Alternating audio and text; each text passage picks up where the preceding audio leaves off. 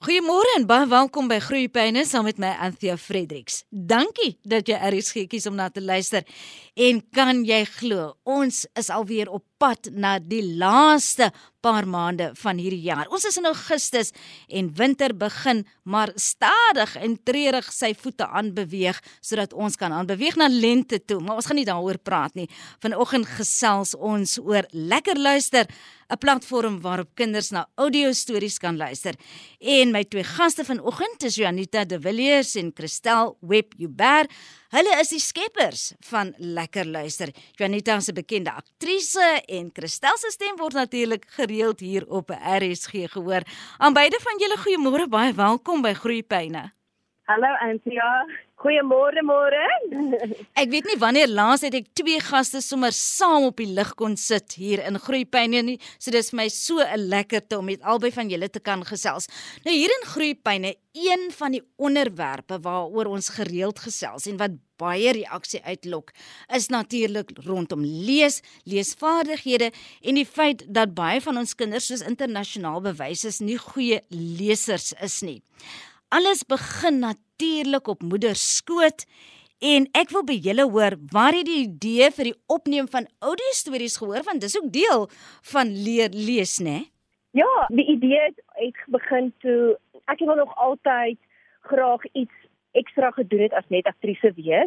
En die groot ding wat ek altyd onthou en ek vertel hierdie storie so baie, maar my ma het altyd toe ek 'n kind was, dan soos sy my gebel het. Ek dink dit was in die oggende 10 oor 10 of 10 uur en dan in die middag 2 uur was daar altyd stories op RSG. En um, dan het my gebel en gesê, "Onthou sussie, gaan gaan sit die radio aan, die storie gaan nou begin." En dan in die veral in die winter, ek onthou dit baie goed. Ons radio het so by die ehm um, skuif weer gestaan. Dan gaan sit ek lekker in die sonnetjie en ek sit die radio aan en dan vir daai 5 7 minute, 8 minute verloor ek myself in daai wonderlike kinderstorie wat op die radio was en en ek het besef ek groter is ek wil graag dit vir my kinders wil gee. En maar ek het besef okay ek as aktrise kan dalk die werk doen maar die tegniese kant ken ek nie so goed nie. Ehm um, die opneem en die versorging van die stories en so aan en en ek het te vir Kristel ontmoet met een van ehm um, die radiodramas wat ek vir haar opgeneem het. En ek het gedink jy sê sy is die perfekte persoon dan om te vra om saam met my in hierdie besigheid te gaan. Ja, myne Antia ek dink baie van die luisteraars weet al dat ek en my man Henriette het 'n verstandelik gestremde seun wat wat nooit die vermoë gaan hê om self stories te kan lees nie. So ek het hierdie ongelooflike behoefte gehad dat daar 'n platform is waar hy na stories kan luister want hy geniet dit ongelooflik baie. En daarmee saam ek het is gediagnoseer met 'n sigprobleem. So ek ek sukkel nogal bietjie om te lees en en ek het 'n hele paar ligte nodig om in die aande vir Lukas slaaptyd stories te lees wat nou natuurlik nie die ideale geleentheid is vir 'n kind om aan die slaap te raak nie. So ek het gedink, maar weet jy wat, die platform kan dan ook 'n plek wees waar hy na stories kan luister. Baie van die stories is ook in my stem. Ons gebruik ander kunstenaars ook, maar dis 'n geleentheid waar hy daarna kan luister en, en omdat ek so 'n passie het vir blinde mense en vir gestremde mense, is dit wat hulle dis hulle hart, verstaan? Dis as hulle in kontak is met die wêreld daar buite. Ek het gedink maar dis 'n wonderlike geleentheid om dan vir hulle 'n geleentheid te skep om na stories te kan luister. So ja, jy weet mos maar klank klank is my ding. ons is nou so um 3 jaar al aan die gang en um ja, ons is baie passievol oor wat ons doen en ons dink regtig ons het 'n baie goeie produk. Kristel, jy het so 'n bietjie daarna verwys en jou rede hoekom jy betrokke geraak het by Lekker Luister. Maar hoekom audio stories spesifiek en watter waarde voeg dit toe? Kyk, ek moet sê eerlik wees, toe ons hiermee begin het, né, ons het net gedoen suiwer om vir kinders vermaak te verskaf. Dit dit was wat ons wou doen. En dit ons intussen tyd meer ons met onderwysers begin praat het, en meer ons met audioloë begin praat het, met opvoedkundiges begin praat het, het hulle vir ons gesê dat daar eintlik ongelooflik baie waarde is in luister. Deesdae se kinders is so visueel ingestel. Jy sal sien. Daar word met 'n voetjie gesit, daar word heeltyd op die televisie gekyk. Hulle moet so visueel gestimuleer word dat hulle het nie meer die vermoë om te luister nie. Kinders het geleer om te luister. En daarom het ons besef, ja, okay, maar luistervaardighede moet aangeleer word en hierdie is 'n ideale plek en 'n geleentheid om kinders te leer om weer te luister. So ja, aanvanklik was dit net vir die pret, en toe kom ons agter dit is eintlik baie belangrik. Ons skole is ook audio gebaseer en hulle kry eintlik luister nie so die opdragte word nie uitgevoer nie. So dis hoekom dit so 'n belangrike ding is vir kinders om vandag weer te leer luister. Deel dan natuurlik van luister is om met begrip te kan luister. Dit wil sê dit wat jy inhoor in jou oor om dit te kan interpreteer, né? Dit is so belangrik wat jy sê. Eloise uh, doen nou in intussen op daar is geen oggende vir die ongelooflike reeks oor kommunikasie verlede week begin waar sy gesels het met Marie Lee juis oor kommunikasie en wat dit is. En daarin het hulle so ongelooflik vasgevang. Presies dit wat jy nou sê. Kommunikasie is om om nie net te hoor nie, maar om te luister en om dit wat jy gehoor het weer weer te gee. Dan het kommunikasie plaasgevind. So ja, dit is goed en wel om net die storieetjies vir jou kinders op te sit. Maar luister hulle regtig? Het hulle gehoor wat daar gesê is? So ja, luistervaardighede is is iets wat ek dink elke dag aangewerk kan word en so belangrik vir kommunikasie sodat jy eendag kan kommunikeer sodat jy soos Joanita nou gesê het opdragte kan uitvoer. Ehm um, want as jy nie kan luister nie en nie met begrip kan luister nie, hoe gaan jy 'n opdrag uitvoer? Omdat julle al twee tog so bekend is met die milieu en die vaardighede wat julle het om hierdie stories dan ook aan kinders te kan lewer, wat dikwels gesê word is dat dis nie altyd wat jy sê nie, maar hoe jy dit sê. En met 'n storie is dit dieselfde. Ja, ek moet sê ons stories is is bietjie anders. Dit is nie net 'n gewone vertelling nie. En ek dink dit was juist ook wat ons wat ons wou doen. Om saam met die luister ook verbeelding aan te wakker. So ja, Joanita is eintlik die een wat die wêreld skep deur klank. Nee, so ons storie wat dit so uniek maak is ons het 'n verteller, ons het karakters. Ons het speel met klank, ons speel met byklanke en musiek. So ons probeer regtig vir hulle 'n wêreld skep waar hulle kan self verloor. En ehm um, verbeelding is vandag so belangrik omdat ons kinders nie weet nie. Hulle nie 'n verbeelding nie, hulle weet nie hoe om 'n verbeelding te skep nie. En weer eens kom ons terug dis waar die luister inkom. As jy kan luister en 'n verbeelding skep, dan kan jy allerlei kreatiewe goed ook doen. Want die kinders sukkel om kreatief te wees omdat hulle nie verbeelding het nie. Ja, en jy praat van die karakters, Janita. Die karakters word deur verskillende stemkunstenaars uh, uitgevoer. Met met ander woorde, dit is nie net een stem wat gehoor word nie, is letterlik vir elkeen van die karakters 'n ander stemkunstenaar. Ons gebruik professionele stemkunstenaars wat in die bedryf is. So, dis eintlik soos klein radiodramatjies uh, waarna jy kan luister. En anders gestel, dis die teater van die verbeelding, né? Nee? Korrek. Ja. Dit klink vir my na 'n baie interessante konsep en jy het heel vroeër verwys Janita dat toe jou ma jou destyds ook altyd aangepoor het om te luister na die storie op die radio. Ons vind dit ook elke weeksdag op RSG wanneer dit storietyd is so in die omgewing van 20 minute oor 6 in die aand dat daardie kleintjies sit slaggereed vir daardie storie. Maar in baie van ons stories is daar 'n les te leer. Jy luister ook? Verseker, dit is wat so wonderlik is van stories, is dat jy leer kinders identifiseer met karakters of 'n situasie of met die storie of maak ook nie saak wat nie. En dan is dit wonderlik eintlik as die ouers deel was daarvan want dan kan mense gesprek voer daaroor. En dan is begrip ook beter vir kinders. En hulle kan dalk meer goed verstaan en en dis waar ouers ook 'n belangrike rol dink ek speel in kinders se lewens. Is nie net om daai kwaliteit tyd saam met die kind daai rukkie te hê nie maar ook om vir hulle taalvaardighede aan te leer of vir hulle te verduidelik as daar 'n woord is wat hulle nie verstaan nie of die betekenis nie um, mooi begryp nie of wat dit ook al mag wees. En die ouers speel ook 'n baie baie belangrike rol in ons kinders se opvoeding van luister. Ja, ek wil 'n voorbeeld gee. Een van ons stories byvoorbeeld gaan oor oor twee kuikentjies wat vir 'n willekat elke keer vertel waar hulle slaap in die aand, maar die willekat het 'n idee, hy wil net kyk en gaan eet met die hen wat hulle oppas.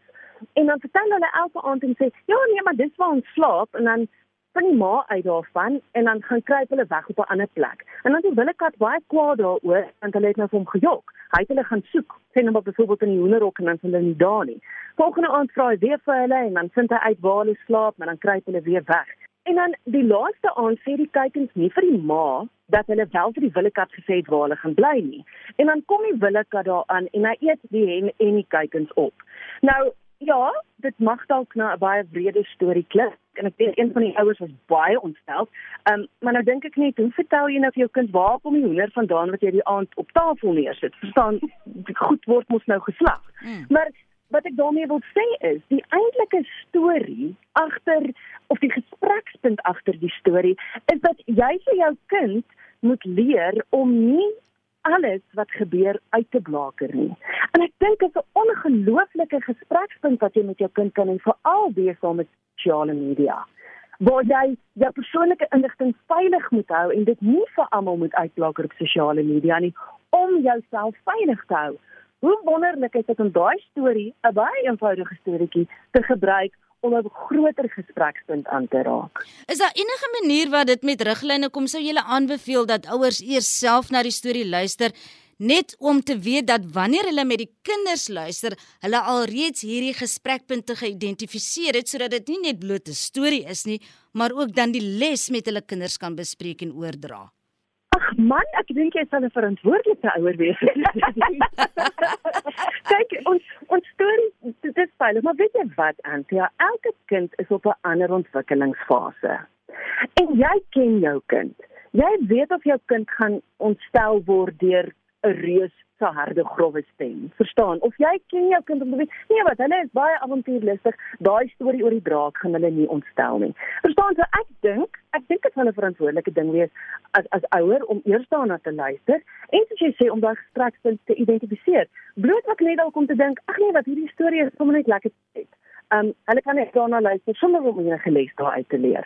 So ja, ek dink tog weet jy wat? Ek dink ons as ouers kies dikwels en ek kan vir myself praat want ek is ook 'n ouer, maar ons kies partykeer die maklike uitweg. En dink, "Ag, oh, okay, maar hier is wonderlik, ek kan my kind net in die bed sit met die toepassing, met die webpas en hulle kan dan nou luister een storie na die ander." Maar nee, investeer bietjie in jou kind. Hê gesprekke. Ja, ek jammer, maar ek dink ons kies partykeer die maklike uitweg. En so gesels my gaste vanoggend hier in Groepyne. Dis aktrise Janita De Villiers en saam met haar Christel Webber, natuurlik 'n bekende stem hier op RSG. Ons gesels oor hulle platform Lekker Luister waarop kinders na audio stories kan luister. Janita as aktrise, hierdie is 'n liefdeswerk vir jou, nê? Nee? Want hier het jy met klein mensies te doen wat jy kan help vorm. Ja, dit is so ongelooflik om hierdie geleentheid te hê en natuurlik vir my eie kind en kinders wel die aan die enetjies nog bietjie klein maar jy weet vir my kinders hierdie geleentheid te bied dat hulle ook in my wêreld kan leer groei en verstaan en ja net dit voel vir my ek kan waarde toevoeg tot kinders en tot hulle lewens want ek weet watter waarde dit in my lewe gehad het as 'n kind. En ek dink dis wat my so opgewonde maak oor hierdie projek wat ons hier doen en en die stories en ja, ons werk baie keer baie hard en dan luister ek weer 'n storie dan gaan ek, "Ag, oh, daai lekker warm gevoel kry as jy klaar is met iets." En ons het dit geskep. Ja, ons het die stories dalk verwerk of iemand anders het dit dalk geskryf vir ons en ons het dit lewendig gemaak. En daai is 'n ongelooflike voorreg wat ek vir elke dag dankie sê. Christel, Janita het nou net verwys na mense wat vir julle van die stories skryf. Wie skryf? Waar vind julle die materiaal? Antia, dit is nog 'n proses. Ons het ons het verskillende tipe stories en ons het dit by verskillende plekke gekry. Ons het nog ons redelik volksverhale gebruik ons het onder andere Brollox en Bittergal het ons opgeneem. Uh ons het stories wat lank terug lewe gehad het, het ons weer nuwe lewe ingeblaas wat ons verwerk het. So dit is 'n gedeelte van van die stories wat ons gebruik. En dan het ons ook 'n spelterapeut wat vir ons help om stories te skryf. Haar naam is Jacqueline de Plooi. En uit die aard van die saak omdat sy soveel te doen het met kinders en die kwessies wat kinders pla, die dinge wat regtig in hulle in hulle lewe aangaan, bring sy baie mal in die stories in. Wonderlik dat sy vir ons kan skryf. En dan is daar van die stories wat ek ook self skryf. Ek is semi gedwing om te skryf want dit is 'n dis 'n hongerwolf hierdie, né? Uh, ons stel weekliks 'n storie bekend elke Vrydag kom daar 'n nuwe storie by ons skatte stories by. So dit is nogals ons nogals produseer. En ek is genoodsaak om te skryf, maar dit het ook weer ander geleenthede oopgemaak. Ek het onder andere 'n reeks geskryf Tricks en Patat. En dit spreek onder andere iets soos gestremdheid aan. Tricks is 'n blinde dogtertjie en Patat is 'n seentjie wat geboelie word in die skool. En hoe die twee bymekaar uitkom en mekaar net 100% aanvaar. Trix kan hom nie oordeel oor hoe hy lyk nie. Dit waarvoor hy altyd geboelie word, want hy kan nie sien nie.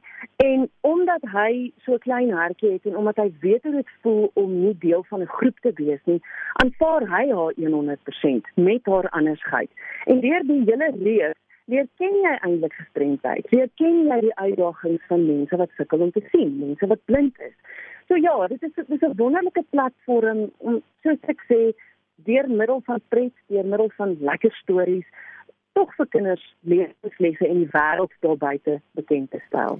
En dis 'n baie belangrike aspek wat jy aanraak oor hoe mense dan ook die werklikheid, die situasies waarin ons ons bevind dan ook aan kinders kan oordra, want alles is nie maanskyn en rose nie en hoewel stories ontvlugting is, moet 'n mens ook in 'n mate die werklikheid daar buite reflekteer.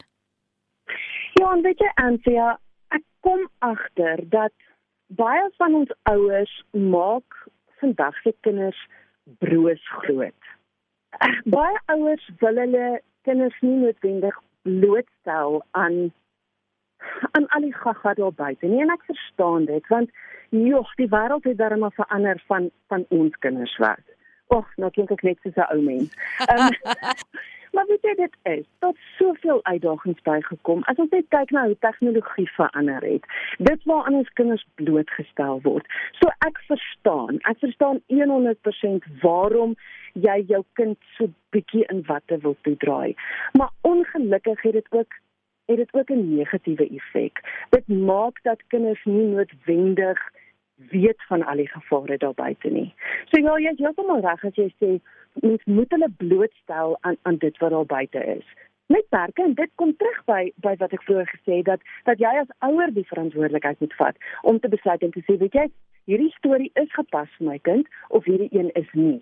En dit is hoekom hoekom die ouer-kind verhouding en die ouer begeleiding so belangrik is. Christel, op watter ouderdomme is hierdie stories op lekker luister gemik? En ja, ek is miskien die verkeerde persoon om te vra want kyk my seun is 12 jaar oud. En hy luister elke aand na lekker luister. Maak nie saak vir watter ouderdom die storie is nie. Maar dit is dis my situasie. Dis my kind. Weereens, jy as ouer ken jou kind goed. Maar dan moet ek vir jou sê ons het stories so wyd as die Here genade wat gelaai is. Daar is baie kort stories, daar's baie lang stories, daar's baie eenvoudige stories, daar's meer ingewikkelde stories.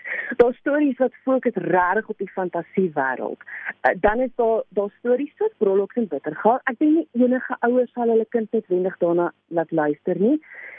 Hoekom ons dit opgeneem het is omdat dit regtig volksbesit is. Dit is die stories waarmee ons as kinders groot geword het.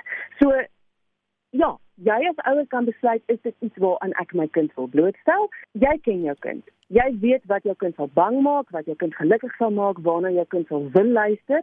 So daar is 'n verskriklike groot verskeidenheid.